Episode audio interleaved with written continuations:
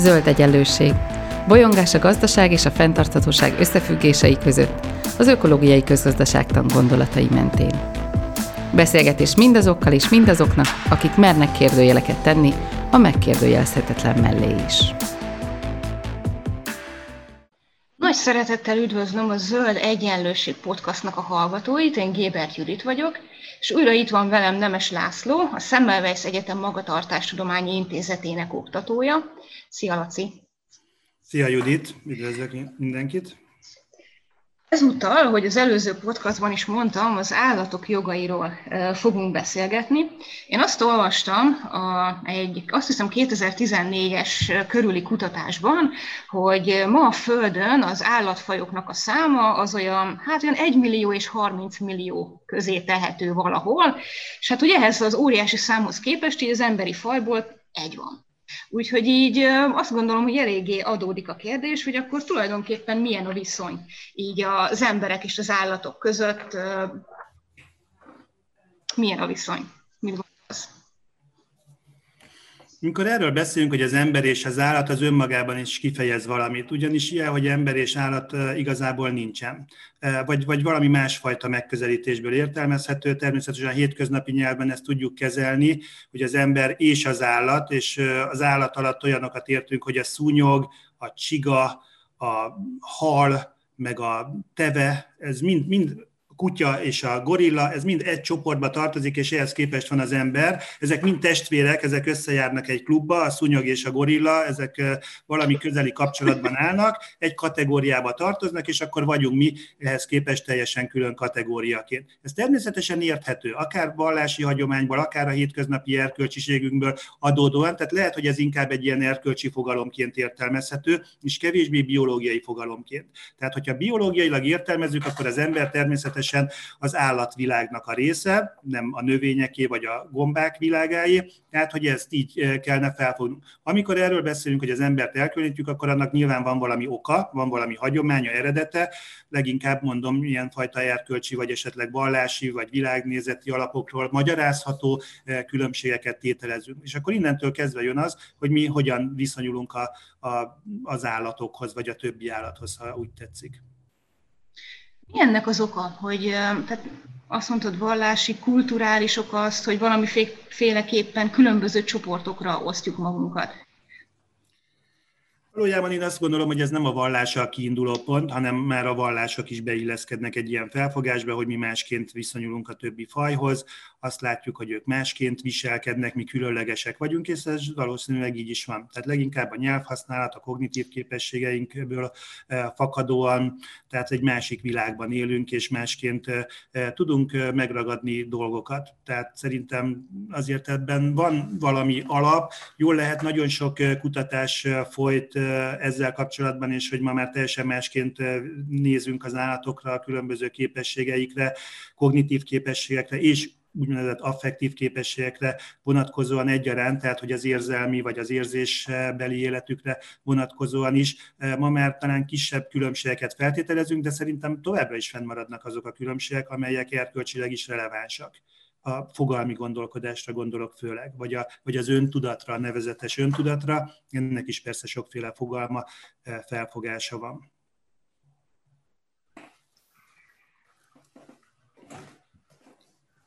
Hát amikor állatokról beszélünk, és ilyen ökológiai, közgazdaságtani szempontból is sokszor fölmerül, hogy hát azért sok állatot tartunk haszonállatként amit így azért tartunk, hogy elfogyasszuk a tejterméket, hogy megegyük a húsát, és társai. Amikor állatokat tartunk, így nagyon sokan elfogadják így azt az elvet, hogy hát feleslegesen tartsuk őket, de ne okozzunk nekik felesleges fájdalmat. Mi az, hogy felesleges fájdalom? az állatoknál? Vagy hogy ez így a, a, van-e olyan, hogy mit, mit jelent az, hogy etikus állattartás? felesleges nem fogalmaz egy messzire vívő filozófiai kérdés, egyébként ezen töprengek, hogy igazából lehet mondani, hogy minden szenvedés, minden fájdalom felesleges, és hát vannak olyan megközelítések, amik csak ugyanúgy érvelnek, ezeket nevezik antinatalistának, vagy, vagy születésellenes eh, mozgalomnak. Egy David Benatar nevű dél-afrikai filozófus ennek a fő képviselője, egy neves filozófus, aki tulajdonképpen azt mondja, hogy, hogy jobb lenne meg se születni, mert az élet az eleve inkább szenvedés, mint öröm, hát összességében ennek különböző verziói vannak, vagy, vagy ahogy ezt ki tudja kalkulálni, hogy, hogy általában ugye erősebben éljük meg ezt, és erkölcsileg nagyobb kötelességünk van szenvedés megszüntetését, illetően, mint mondjuk öröm előidézését illetően. Tehát összességében valahogy azt is gondolhatnánk, hogy jobb lenne meg sem születni. Ezt emberekre vonatkoztatva is fel tudjuk fogni. A antinatalizmus ugye a, a gyerekvállalással összefüggésben is megjelenő szempontként lehet, hogy például bizonyos rendellenséggel, súlyos betegségekkel született gyermekeknél lehet esetleg ilyeneket felvetni. De nem csak náluk,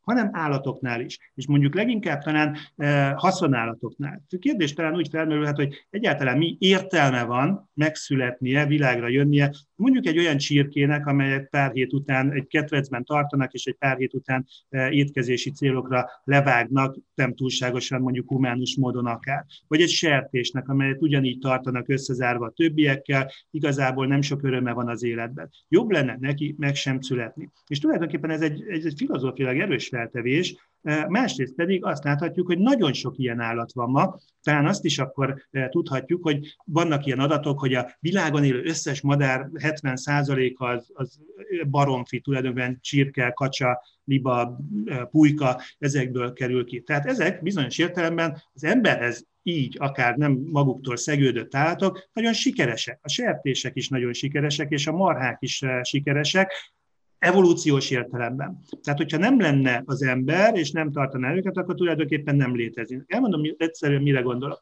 A, mondjuk egy jó száz évvel ezelőtt felvetődött az a kérdés, hogy hát a lovakat kihasználják. Ez jogos is volt. Városokban, falvakban, különböző munkákra használták a lovakat. Nagyon fontos volt a lónak a szerepe a földeken vagy a városban, a szállításban. Tehát a lovakat használtak, és felmerült az a kérdés, hogy ezeket fel lehetne váltani most már új technológiai eszközökkel, jelesül a vonattal, autóval, ilyen mezőgazdasági gépekkel, egyebekkel. Tehát a lovakat ki lehetne váltani, és akkor lesz majd egy csomó, csomó, nagyon sok boldog ló, akik itt sétálgatnak, és akkor szórakozgatnak, és egymással barátkoznak esetleg. Na hát kiderült, hogy nem így van, hanem hogy ezek a lovak eltűntek. Tehát most a kérdés az, hogy jó-e az, hogyha sok ló van, amelyet így kihasználnak, vagy éppen szenvednek esetleg, vagy éppen az a jó, hogyha nem születnének meg. Tehát ma is azt gondoljuk, hogy ott van rengeteg csirke, meg rengeteg sertés, ha nem mindenki vegán lenne például, vagy csak nagyon kevés húst tennénk, és mondjuk csak bizonyos eh, módon eh, meghatározott körülmények között tartott állatoknak a húsát tennénk meg, akkor ezek az állatok eltűnnének. Én szerintem ez nem lenne egy olyan óriási probléma, de egy etikai kérdést felvet mindenképpen, hogy összességében az élet minősége vagy a létezés az milyen etikai szempontokat hoz be. Szerintem egyetérthetünk azzal, hogy talán úgy összességében bármit is jelentsen ez a kifejezés, tehát jobb világ lenne, hogyha nem lennének ezek a nagyon rossz körülmények között tartott eh, állatok, de hogy a szenvedésnek hol van egy ilyen határa, amikor azt mondjuk, hogy az életünkhez ez hozzá tartozik, természetesen az emberi életben is rengeteg szenvedés, fájdalom eh, van,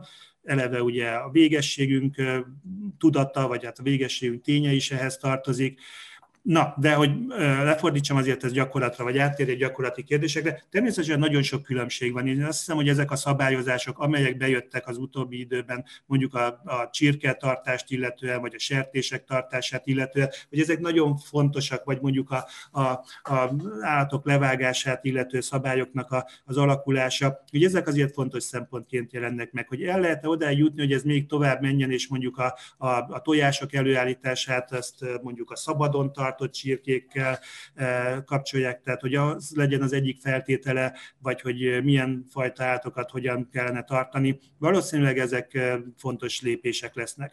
És egyébként azt is érdemes eh, látni, hogy ez visszalépés lesz, nem visszalépés lesz, hanem visszatérés egy korábbi időszakhoz.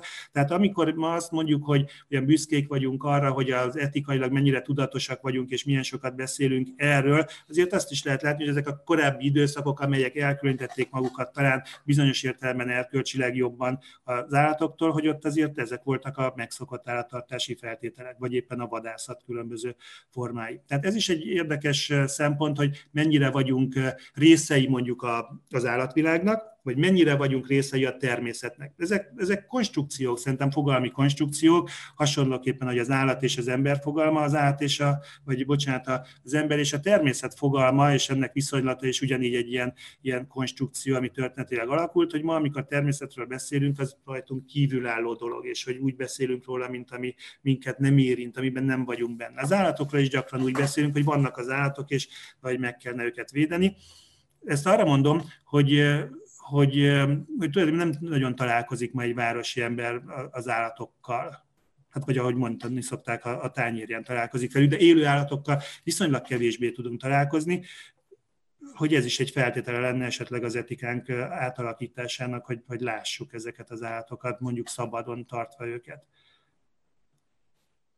Tehát azt mondod, hogy ha többet találkoznánk állatokkal, akkor újra gondolhatnánk, vagy könnyebb lenne újra gondolni így az ember természet, ember-állat kapcsolatait. Igen. Valami ilyesmit jelent. Én szerintem nagyon könnyű állatvédőnek lenni, vagy nem is tudom, hogyha ülünk a városi lakásunkban a számítógép előtt, és akkor, és akkor arról beszélünk, hogy az állatok ilyenek meg olyanok, de hogy ez azért nem egy etikai viszony véleményem szerint, vagy hogy minél kevesebb legyen esetleg belőlük, mert meg szenvednek, vagy hogy hogyan lehetne megóvni esetleg eh, ritkább fajok tagjait, vagy, vagy állatokat. Az etikának azért van egy ilyen közvetlenebb viszonyulása is.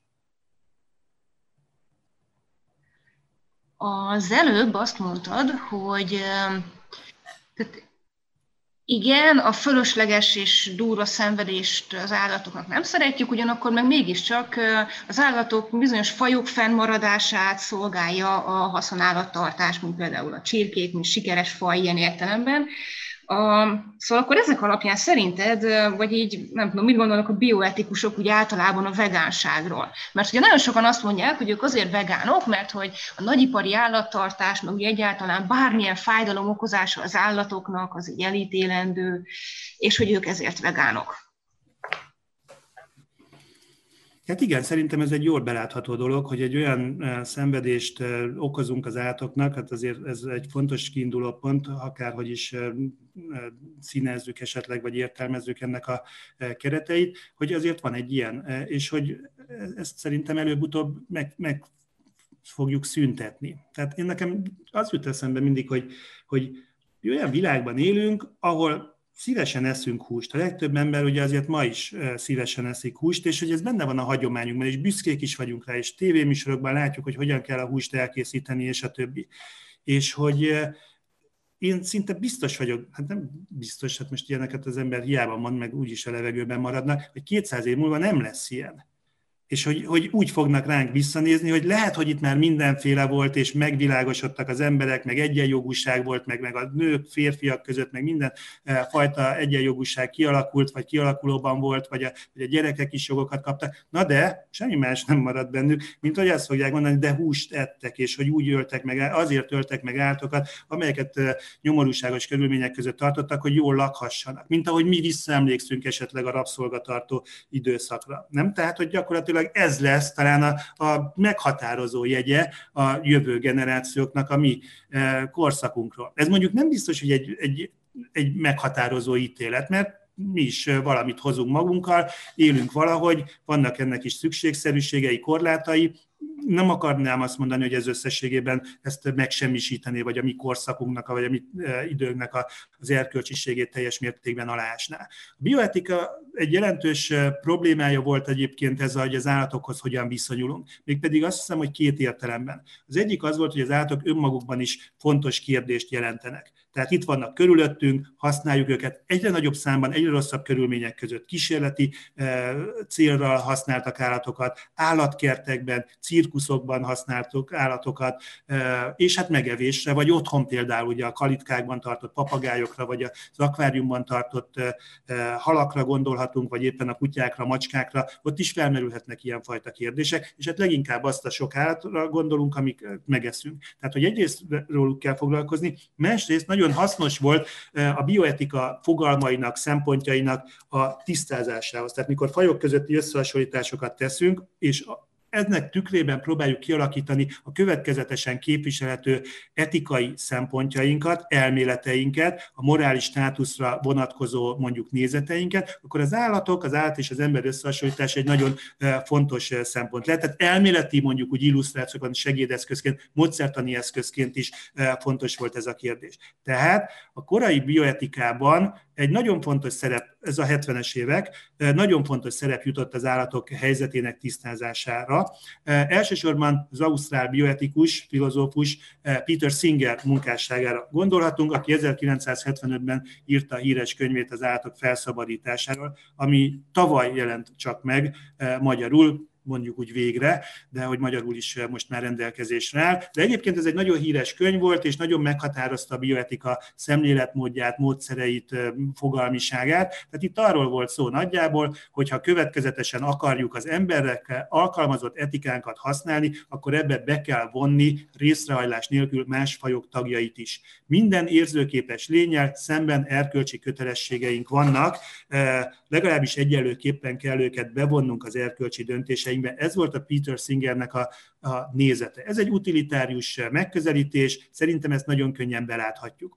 Ami fontos, hogy itt nem csak filozófiai nézetek születtek, tehát lehet, hogy a filozófiában semmi nem változott. Tehát uti, lehet, hogy mondjuk akkor Judit, te mondjuk megeszed a, a, a a garnélarákot, én meg mondjuk nem eszem meg, akkor lehet, hogy nem filozófiai különbség van közöttünk. Tehát mind a ketten megegyezünk abban esetleg, hogy mi utilitáriusok vagyunk, és hiszünk abban, hogy érzőképes lényekkel szemben elkölcsi kötelességeink vannak, és mondjuk nem öljük meg őket, és nem esszük meg őket, jó? Csak te azt gondolod például, hogy a garnélarák nem érez semmit. Én meg azt, hogy igen. Tehát ezek elvileg tudományos kérdések. Tehát itt nagyon érdekes módon keverednek az etikában, és főleg mondjuk a más fajokkal szembeni etikán etikánban, de mondjuk egyébként a, a, a magzati fejlődéssel összefüggő etikában, vagy mondjuk az abortusz kérdésben is hasonlóképpen jelennek meg, mondjuk ugye a tudományos vagy empirikus kérdések a filozófiai feltevésekkel. Lehet, hogy azt mondjuk, hogy minden érzőképes lényel szemben kötelességünk van, vagy minden gondolkodni képes lényel szemben kötelességünk van, csak nem tudjuk, hogy mi az, hogy,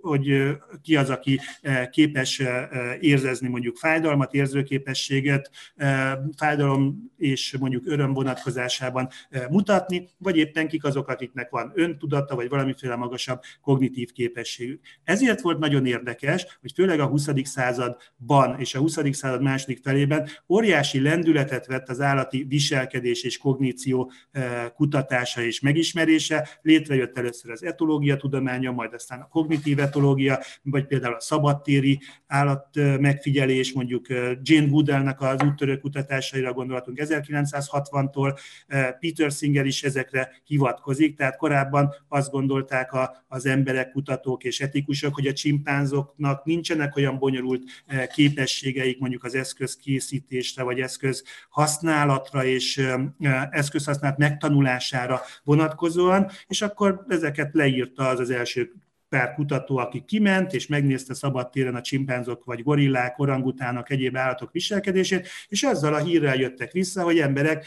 eh, újra kell gondolnunk mind az állatokra vonatkozó elképzeléseinket, mind az emberre vonatkozó elképzeléseinket, és a köztük lévő reláció etikáját elsősorban. Tehát, hogy itt egy ilyen érdekes eh, vegyüléke van a tudománynak és a, az etikának, de természetesen egyébként másfajta etikai megközelítések is vannak, amelyek eh, például nem elkötelezettek mondjuk az utilitárius elvek felé, tehát azokat ez nem fogja esetleg eh, meggyőzni.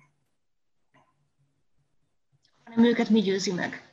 Hát a, a következő hogy azt mondja valaki, hogy egy tudós nagyjából bebizonyítja, hogy a halaknak is vannak bizonyos érzései, fájdalmat képesek érezni, vagy esetleg ízelt lábúak, majd mindjárt elmesélem, izelt lábúaknak vannak esetleg ilyenek, akkor azt mondja, hogy jó, és akkor mi van? Tehát az én etikai rendszeremben ez nem lesz egy döntő tényező, az érzőképesség, vagy a fájdalomérzésre való képesség. Elmondom a példát, hogy ez egy nagyon érdekes dolog, és e, rengeteg energiát fektettek erre, meg pénzt is a, a homároknak a, a ilyen jellegű kutatására. Mi a homárokkal nem nagyon foglalkozunk, mégpedig azért nem, mert nincsenek. Tehát, hogy nálunk nincsenek homárok. Ha látunk, akkor fagyasztva vannak ott a hűtőalján, esetleg valamilyen ilyen különleges akció keretében vehetünk homárt, vagy találkozunk vele valami drágább étteremben, ilyesmi nem része az életünknek.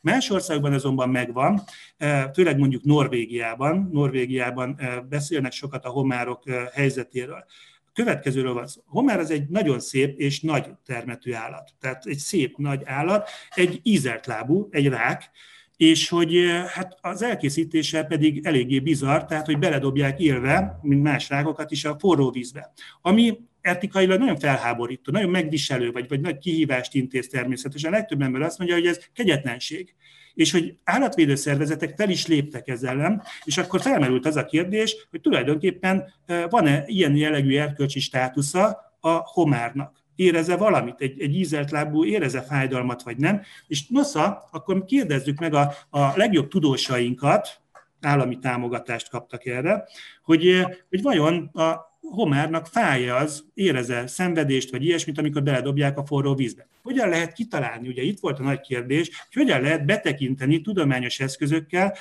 az élőlények, tőlünk mondjuk úgy radikálisan más életformák belső világába, szubjektív tapasztalataiba. Érez fájdalmat, vagy csak reagál, reflexesen e, próbál menekülni, vagy valami ilyesmit. Nem könnyű eldönteni, ugye rögtön rájöttek, e, és hát több kutatás volt ezzel kapcsolatban, különböző eredményekkel. Én azt hiszem, hogy ettől függetlenül is szerintem ez biztos, hogy meg fog szűnni ez a gyakorlat, hogy, hogy állatokat élve forró vízbe dobálnak, tulajdonképpen a tudománytól függően, illetve hogy a tudomány is egyébként a hétköznapi intuícióinkat nagyban követi azért, és az etika is, amikor ilyesmik eh, felmerülnek. Jó, tehát hogy ilyesmikre gondoltam, hogy, eh, hogy például mondjuk hogyan viszonyulunk eh, állatokhoz, hogyha ez a kérdés, hogy, hogy éreznek-e fel. A halaknál is, halak esetében rengeteg ilyen kutatás volt, egyáltalán nem volt könnyű eldönteni, tudományosan, hogy most a halak azoknak milyen belső világ van. Ez kihatása lesz aztán arra, hogy a halászatban milyen eszközöket használunk, egyáltalán eszünk-e halat, a horgászás mondjuk egy ilyen kérdés, hogy ez most kegyetlen dolog-e, vagy inkább a természettel való ismerkedésnek, meg együttélésnek egy, egy nagyon is mondjuk így pozitív lehetősége. Tehát itt is megoszlanak nyilván az etikai álláspontok. Itt szinte mindig a fájdalmat használtad, mint ilyen kritériumot, hogy akkor a, homár érez-e fájdalmat, vagy a halak éreznek-e fájdalmat, de miért épp ez a fájdalom érzése az, ami itt az ilyen elválasztó kritérium, vagy az, amiből így a kötelességeink fakadnak? Mert nem mondjuk az intelligencia, vagy mondjuk számít-e az, hogy egyik faj az ritkább, mint a másik, és az már mondjuk a kihalás szélén áll, abból meg sok van, Melyik a fontosabb? Ez a morális státusznak, vagy erkölcsi státusznak a, a problémája, amikor megtanuljuk az etikai elveket, mondjuk kötelességeket, mit szabad és mit nem szüleinktől, vagy a, vagy a felnőttektől, általában gyerekkorunktól, akkor ilyeneket mondanak nekünk, hogy, hogy ne lopj, meg, meg ne bánts másokat, ne hazudj, meg hasonlókat, és hogy viszont meg segítsünk esetleg másoknak, akkor, akkor nem szoktunk visszakérdezni, hogy de miért? Tehát a gyerekek egyébként szoktak ugye ilyesmiket kérdezni, de miért? De mi a, miért rossz az, hogyha hazudok? Vagy miért rossz az, ne vedd el a, a, az iskolatársadnak, a, vagy az óvodatársadnak a szendvicsét például, vagy ne húzd meg a haját, vagy, vagy, vagy ne um, lopd el a játékát, vagy valami ilyesmit, hogy hogy amikor megkérdeznénk, hogy de miért, miért rossz ez? És akkor ilyesmiket mondanánk, hogy hát azért, mert hogy ezáltal valami szenvedést vagy fájdalmat okozunk neki, ha, ha bántjuk mondjuk fizikailag, nem szabad bántani a, a lányokat, a fiúkat se, senkit nem szabad bántani, se gyengébbeket, se erősebbeket, mert hogy ezzel fájdalmat okozunk nekik. Tehát, hogyha ezt következetesen akarjuk megtenni egy erkölcsi alap elvé, akkor azt kell mondanunk, hogy minden olyan lényel szemben van erkölcsi kötelességünk, aki fájdalmat érez. Ez egy nagyon erős jelölt. Jeremy Bentham angol filozófusnál jelenik meg talán leginkább, egy utilitárius filozófus, vagy hát az utilitarizmus talán megalapítója is, 19. század elején, és hogy ő hozza fel ezt az elvet, hogy tulajdonképpen ez a fajta érzőképesség, a fájdalom érzésére való képesség a meghatározó, mégpedig pont azért, mert az etikánk alapvetően arról szól, hogy csökkentsük a világban lévő fájdalmat, szenvedést, és növeljük esetleg az örömöket, a boldogságot. Jó? És erre kitalált egy ilyen boldogságkalkulust a derék Bentem. De természetesen vannak más elképzelések, és más kritériuma is az így felfogott erkölcsi státusznak, amiket említettél. Például magasabb szintű kognitív képességek, intelligencia, nyelvhasználat, önreflexiós képesség vagy öntudat, ami persze ezt csökkenteni fogja, de van olyan, amit meg pont tágítani fogja, amikor azt mondja valaki, hogy minden élőlénynek van valamiféle erkölcsi státusza, és figyelembe kell venni, pusztán abból kifolyólag, hogy élőlények. Tehát nagyon sok élőlény van, amelyik nem is érez fájdalmat, növények, gombák, baktériumok, ilyesmikre lehet gondolni, akár ugye a rovarokra, vagy ilyesmikre, hogyha visszatérünk erre a kérdésre, hogy ízelt lábaknál van, vagy nincs. Ha nincs, akkor is ugye élőlények mindenképpen, van ilyenfajta etikai megközelítés is, biocentrizmusnak nevezik, ami minden élőlényt valahogy erkölcsi státusszal látná el, de általában az emberre kitalált képzeléseinkben nem ezek játszanak a szerepet. Tehát röviden válaszolva, hogyha nekem mondjuk veled, Judit, veled szemben van egy etikai, etikai viszonyom, és hogy bántalak, vagy segítelek, vagy valami ilyesmit, akkor azt gondoljuk, hogy ez elsősorban attól lesz etikai, hogy neked ez fájdalmat jelent. És hogyha azt gondolom, hogy ez egy tartható álláspont, hogy főleg Nyilván vannak kivételek vagy más megközelítések, de elsősorban a, a, a fájdalom okozás elkerülése az, ami fontos mondjuk egy emberek közötti etikai relációban, akkor azt kell mondanunk, hogy ezt ki kell terjesztenünk, és meg kell vizsgálnunk, hogy melyek azok az egyéb lények, életformák, amelyek fájdalmat érezni képesek. Nota benne hozzátehetjük, hogy robotokkal szemben is esetleg ez alkalmazható, tehát akkor lesznek erkölcsi státusszal bíró entitások, a robotok, amikor képesek lesznek, vagy azt gondoljuk róluk, hogy fájdalmat tudnak érezni. De mondom, van egy másik erős megközelítés, amelyik elsősorban a szabadságot tartaná fontosnak, tehát azt mondjuk, hogy azokkal szemben van erkölcsi kötelességem, akik, akik valamiképpen autonómak, szabadok és hát akkor rögtön ugye kiesik egy csomó élőlény. Tehát a halakról, meg a homárokról beszéltem, lehet, hogy ők éreznek fájdalmat esetleg, de hogy szabadoknak, vagy öntudatos, öntudattal rendelkező lényeknek talán nem nevezhetők. Hát most, amikor a kérdés az, hogy hogyan döntsünk a különböző opciók között, akkor azt mondom, hogy ezek tulajdonképpen filozófiai hagyományok, filozófiai elköteleződések, inkább, mint hogy, mint hogy azt mondjuk, hogy, hogy ezt a világban valahogy felfedezhető módon találnánk meg, hogy inkább a fájdalmat, vagy inkább a, a intelligenciát tekintsük-e kritériumnak. Azt mondtad korábban, hogy így ez is segít, ezek a vizsgálódások segítenek újra gondolni így az embernek, meg az állatnak a viszonyát, meg egymáshoz való helyzetét. Mi a helyzet a személynek a fogalmával? Ugye amikor az ember így ilyen science fiction meg nem tudom, fantasy filmeket néz, vagy irodalmat olvas, akkor nagyon gyakran találkozunk olyanokkal, olyan szereplőkkel, akiket személynek tartunk, de nem tartunk az emberi faj részének. Például nem is tudom, az entek, a gyűrűk urában, akikről azt gondoljuk, hogy személy, vagy nem tudom, Dobby a Manó, a Harry Potterben, de nem az emberi faj tagja, de személy. Lehet egy állat személy, vagy akár jogi személy. Hát én most a személynek először a filozófiai fogalmára térnék ki, hogy akár pszichológiai, vagy pszichológiai alapú mondjuk filozófiai fogalmára.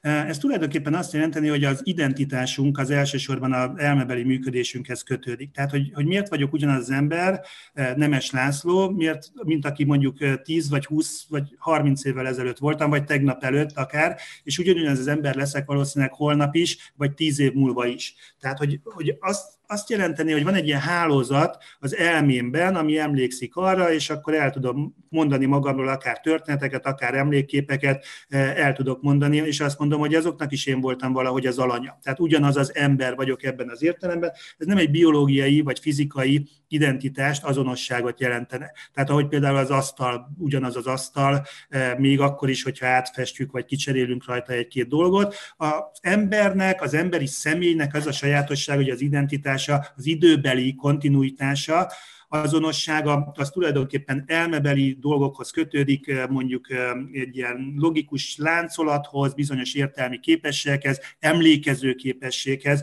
és a többi. Tehát a kérdés akkor az, hogy ilyenfajta tulajdonságokkal rendelkezhetnek-e más nem emberi állatok, állatok röviden.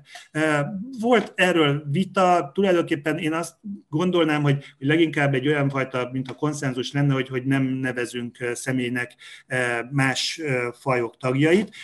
Felmerülhet természetesen, hogy a kutyáknál, csimpánzoknál, elefántoknál esetleg, ilyenfajta állatoknál, akiknek magas, bonyolult kognitív képességeik vannak, beszélhetünk egy ilyenfajta emlékekről, hogy nekik van egy ilyen belső személyes azonosságuk. Én azt gondolnám, hogy tulajdonképpen nem nagyon, és hogy az embernél is ez viszonylag késő alakul, később alakul ki, tehát az új szület nem úgy születik, még hogy személy lenne. Mások persze más értelemben használják a személyt, esetleg csak, csak egy elkülönült individuumra e, utalnak ezáltal, de mint szakkifejezés filozófiában e, elsősorban ugye erre vonatkozik, hogy egy ilyen, ilyen mentális hálózatot e, egy ilyen, egy ilyen emlékekből összeállított bonyolult szövevényt alakítunk ki saját magunkra, és akkor amikor megkezdik, hogy ki vagyok, akkor, akkor azt mondom, hogy van egy időn áthat, át, ívelő azonosságom, és hogy az voltam régebben, meg, meg tegnap is, meg, meg ma is, és holnap is ugyanaz az ember leszek. A morális vagy, er, vagy jogi személy, ahogy említetted, a jogi személy azt szerintem egy kicsit más jelent. Voltak olyan, vagy vannak olyan kísérletek, hogy esetleg jogi emberi jogokat adnának nem emberi állatoknak, ugye elsősorban nagy emberszabásúaknak, gorilláknak, csimpánzoknak, bonoboknak, orangutánoknak, Új-Zélandon például voltak ilyesmik.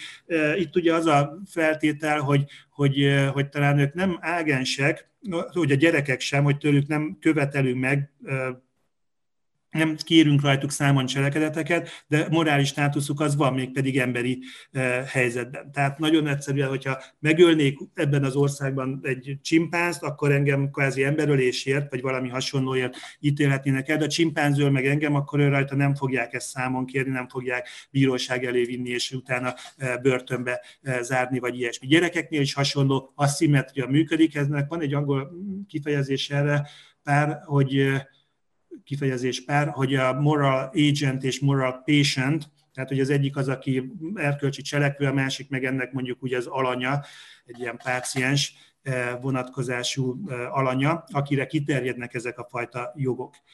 Nem mindenki beszél szívesen jogokról, például a Peter Singer, ha már említettük, ő például kifejezetten nem beszélne jogokról, hanem arról beszél, hogy, hogy mondjuk egy ilyen utilitarista alapon a döntéseinkbe, a kalkulációkba be kell vonni az különböző érzőképes lényeket, mégpedig differenciáltan. Tehát vannak bonyolultabb és kevésbé bonyolult mondjuk elmélyű vagy mentális szerkezetű, képességű élőlények, és hogy ezek ezeket differenciáltan lehet egy döntésbe, a kalkulációkba bevonni. A jogoknál ez nincsen meg, ott egyértelműen eh, valaki eh, eh, egy ilyen általános feltétel nélküli jogi vagy erkölcsi védelmet kap. Tehát a kérdés az, hogy, hogy szerintem állatokra nem nagyon használjuk a, a személy kifejezést, ha igen, akkor annak mindenképpen lenne egy, egy jelentős erkölcsi kihatása. Amit említett, hogy mesterséges rendszereknél hogyan működne ez, mondjuk ilyen mesterséges intelligencia alapú mondjuk robotoknál, hogy mikortól tekinthetnénk őket eh, személynek, hát ugyanezek a, a feltételek vannak szerintem, hogy amikor azt gondolhatnánk, hogy van egy ilyen identitása. Most a kérdés az, hogy ez az identitás például érzőképesség eh, nélkül is meg van-e, tehát hogy valakinek nincsenek érzései, fájdalomérzései vagy örömérzései, eh, vagy éppen öntudata, vagy ilyesmi, de mégis ilyen értelemben van egy identitás, hogy el tud magáról mondani történeteket. Én szerintem inkább feltételének látnám azt, hogy legyenek bizonyos fajta szubjektív érzések is a háttérben, ami alapját képezni annak, hogy tudok magamról egy ilyenfajta történetet elmesélni, esetleg egy ilyenfajta személyként meg tudok jelenni. De kétségtelenül ez egy fontos dolog, szerintem, és én akkor azt mondanám, hogy a, a emberi etika kétfajta eszközt kap, és hogy ezt az összehasonlító perspektívát nagyon érdemes behozni. Megjelennek az állatok, tehát akkor mondjuk azt, hogy állat és ember, mondjuk az abortusz kérdésben, hogy a, a magzat, akkor az állat az miért nem, ha hasonló képességei vannak, ha következetesek akarunk lenni, akkor hogyan alapozzuk ezt esetleg egy ilyen kvázi elméletre. És a másik, ami nagyon fontos szerintem, a robotok. Tehát akár csak az ilyen science fiction szenáriókban megjelenő mondjuk filmekben megjelenő robotok, nem kell, hogy legyenek, csak el tudjuk őket képzelni, hogy mikor lenne az, amikor azt mondanám, hogy, hogy bántani, megverni, vagy megölni, tönkretenni egy ilyen robotot, az már erkölcsi kategóriába kerülne, az egy erkölcsi cselekedet lenne. Vagy éppen, vagy éppen örömet okozni neki. Lehet-e örömet okozni egy, egy robotnak ebben az értelemben? És akkor össze lehet hasonlítani állat, tehát az állat-ember robot, ez a hármasság szerintem egy ilyen nagyon érdekes kiindulópontot jelent ahhoz, hogy, hogy az erkölcsről beszéljünk. Régebben ez nem volt. Jó lehet egyébként az Isten, meg, a, meg az ilyen isteni szereplők a régebbi szövegekben, filozófiai és teológiai szövegekben hasonló szerepet töltöttek be, hogy, hogy lehetett kicsit tágítani a perspektívánkat, gond, kvázi gondolatkísérletként működhettek, és hogy ez segített megvilágítani bizonyos kérdéseket. Egy kis távolságtartás mindig jó ahhoz, hogyha tágabb perspektívával akarunk tekinteni egy adott kérdésre.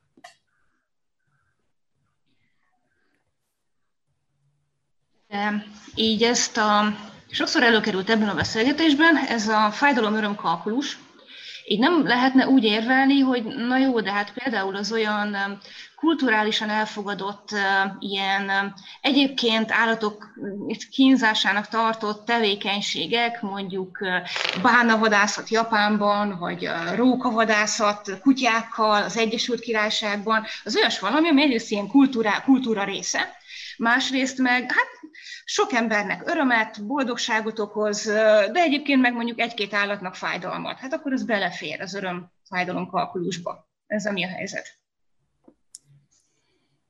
Ja, hogy ebből indulnánk, igen. Uh-huh. Mert azt akartam mondani, hogy az etika sokkal összetettebb és sokszínűbb dolog, hát ezek meg főleg uh-huh. a hagyományosabb etikákból erednek, mondjuk akár az erényetikai megközelítésből, ahol ugye arról van szó, hogy, hogy a jó élet feltételeit keressük inkább, illetve a gyakorlatban próbálnánk megvalósítani ezt, és kevésbé arról, hogy mondjuk egy adott szituációban melyik cselekedet az elfogadható. Tehát én ebbe az irányba is elmennék, és csak ugyan vannak ilyen hangok, amelyek azt mondják, hogy például az említett horgászás, ami mondjuk a bálnavadászat módozathoz képest egy szelidebb, meg számunkra jobban ismert eh, módozat. Horgászás, vagy vadászás, vagy ezeknek a mondjuk úgy hát ha van ilyen, vagy idézőjelbetéve sportszerű változataira eh, lehet itt mondjuk gondolni, hogy ezek inkább erősítik a, a környezettel való együttműködést, a harmóniát, eh, mert hogy ott vagyunk, hajnalban felkelünk, kimegyünk, látjuk az állatokat, mint hogyha valunk közelebbi, velük közelebbi kapcsolatba tudnánk lépni, mint hogyha mondjuk ilyen, ilyen, ilyen karosszéki állatvédők lennénk a számítógépünk eh, előtt. Jó, valami ilyesmire is lehet gondolni. Én egyébként, amiket felvetettél régebben, inkább ellene voltam, tehát azt mondtam, hogy, hogy ott vannak szép elméleteink, és hogy ezekre egyértelműen ilyen zéró tolerancia kell, hogy vonatkozzon, nem ölünk meg állatokat ezért, és nem vadászunk rájuk, meg stb. Ma ez azt hiszem, hogy egy kicsit árnyaltabban látom pont ebből kifolyólag, hogy egyrészt a társadalomban megjelenő különböző etikai hagyományok, meg maguk a hagyományok, ezek a különböző szokások, ez sokkal eh, színesebb képet eh, mutatnak. És hát van egyébként egy ilyen nosztalgiánk, hogy ezek a úgymond ilyen természetközeli népek, őslakosok, meg stb., akik egyébként együtt élnek az állatokkal, és, és vadásznak is rájuk, hogy tulajdonképpen ők, ők nagyobb harmóniában élnek a természettel, mint, mint mi, akik esetleg egyszerűen etikai elvek alapján távol kerülünk ettől. Hát, hogy egy ilyen kalkulusba bevonható ez, és azt mondjuk, hogy egy bálna meghal, de ez falu 86 lakossal pedig boldog lesz, hogy ebbe be lehet-e ilyet vonni. Hát ha nem beszélünk jogokról, akkor elvileg ugye ilyen kalkulációkat is talán végezhetünk, hogy a bálnáknak esetleg a jogot adunk, akkor pont ugye ez megakasztja ezt a, elfüggeszti ezt a fajta kalkulációs lehetőséget, de ha nem, akkor akár ilyesmik is lehetnek. De én inkább mást látok ebben, hiszen nem arról beszélt, hogy csak megölünk egy állatot azért, hogy jó legyen nekünk, hanem arról, hogy vannak ilyen mondjuk ilyen nemes vagy nem nemes hagyományok, de megosztó hagyományok mindenképpen. Hát én azt mondanám, hogy válna vadászat az nem jó nézni, meg ezeket a nagy állatmészállásokat, ilyen, ilyen hagyományos rókavadászat, amit megvédett a Roger Scruton Ugye a konzervatív angol filozófus erről is ugye elhíresült, hogy a rókavadászat megosztó kérdés egyébként, hogy ezt a hagyományt inkább fent kellene tartani, vagy nem. Ott lehet, hogy nem is annyira környezeti vagy állatokkal foglal, kapcsolatos etikai kérdésként merült ez fel, hanem ugye, hogy, a, hogy a, ezeket a nemzeti vagy, vagy közösségi hagyományokat érdemes így fenntartani, vagy hol húzunk határokat. Hát tulajdonképpen azért nekünk is vannak bizonyos úgymond jogaink, mi is a természet részei vagyunk, mi is, már bocsánat, hogy itt vagyunk, ugye mi is ezt mondhatjuk, hogy, hogy ezért nekünk is valamit ki kell ebből vennünk, vagy, vagy nem tudom, hol húzódik ez a határ. Így van. Te nagyon köszönöm ezt a beszélgetést, Laci, nagyon izgalmas volt, és hát köszönöm a Zöld Egyenlőség Podcast hallgatóinak is, hogy hallgattak minket. Köszönöm én is. Ez volt az Új Egyenlőség zöld podcastjának mai adása. Hallgassátok az Új Egyenlőség piros podcastot is. Nézzétek a stúdióbeszélgetéseket a YouTube csatornákon, és olvassátok a www.újegyenlőség.hu-t. Vitatkozzatok velünk a Facebook oldalunkon. Jövő héten újra találkozunk.